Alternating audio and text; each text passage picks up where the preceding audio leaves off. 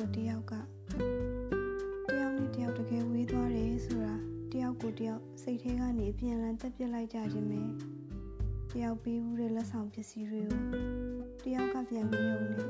ပြီးခဲ့ပြီးတော့ဘဝရဲ့အစိမ်ပိုင်းများကိုပြန်ရရှိကြမှာမဟုတ်တော့ဘူးတယောက်ကိုတယောက်လွမ်းဆွတ်တရရတယ်ဆိုတဲ့ခိုက်တံမှာတယောက်မရှိတဲ့ခုံတန်းလေးမှာတယောက်တည်း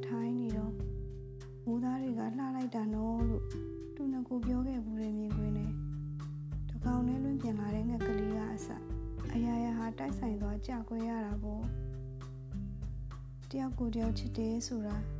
ဘယ်သူကပန်းမွင့်ဖြစ်ပြီးဘယ်သူကလေးပြဖြစ်တယ်ဆိုတာမျိုးမဟုတ်ဘူးကွ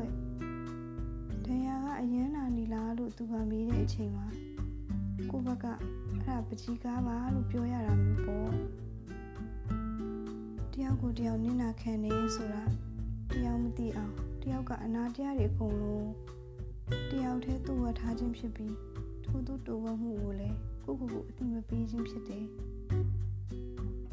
တယောက်ကိုတယောက်ပျော်ရွှင်စေခြင်းနဲ့ဆိုရင်တယောက်ရဲ့ပျော်ရွှင်ရွေးမှုမှုကြောင့်သာကိုဖြစ်တည်မှုတစ်ခုလုံးဟာအတိတ်ပဲရှိလာတယ်လို့ခံစားကြည့်ရမှာဖြစ်တယ်တယောက်ကိုတယောက်ကလိုအပ်တယ်ဆိုတာကိုနှစ်ယောက်လုံးကသိရှိထားကြရမှာလည်းဖြစ်တယ်တယောက်ကိုတယောက်ကတစ္ဆာရှိတယ်ဆိုတာအချိန်ကာလနေရာဒေသအပိုင်းအခြားတွေမရှိသလို ကိုကိုကိုထပ်ဆင့်ပြီးတိဆောက်ယူရတဲ့တန်ဖိုးတစ်ခုလည်းဖြစ်သေးတယ်။တယောက်ကိုတယောက်ကထွေးဖက်ထားတဲ့အခါနှစ်ယောက်လုံးကနှွေးထွေးတာမျိုးဖြစ်ပြီးတယောက်နဲ့တယောက်မတွေ့ကြရတဲ့အခါမှာတော့နှစ်ယောက်လုံးကချမ်းအေးနေတယ်လို့ခံစားရမှာဖြစ်တယ်။တယောက်ကိုတယောက်ကမျှော်လင့်ဆောင်စားရတယ်ဆိုတာ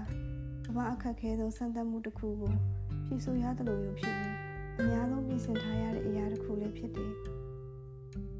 တယောက်ကိုတယောက်ကချစ်ပြီးတယောက်ကိုတယောက်ကမချစ်တဲ့အခါချစ်တဲ့သူဘက်ကကိုယ့်ကိုမချစ်တဲ့သူကိုဆုံးရှုံးရခြင်းဖြစ်ပြီးမချစ်တဲ့သူဘက်ကကိုယ့်ကိုချစ်တဲ့သူကိုဆုံးရှုံးရခြင်းဖြစ်တယ်။တယောက်ကိုတယောက်ကယုံကြည်ခြင်းဆိုတာနှစ်ယောက်လုံးအတွက်စွန့်ရင်တစ်မျိုးဖြစ်ပြီးတယောက်ရဲ့ယုံကြည်မှုကိုတယောက်ကဖောက်ဖျက်တယ်ဆိုတာထိုစွန့်ရင်ကိုအလွဲသုံးစားပြုလုပ်ခြင်းပဲဖြစ်တယ်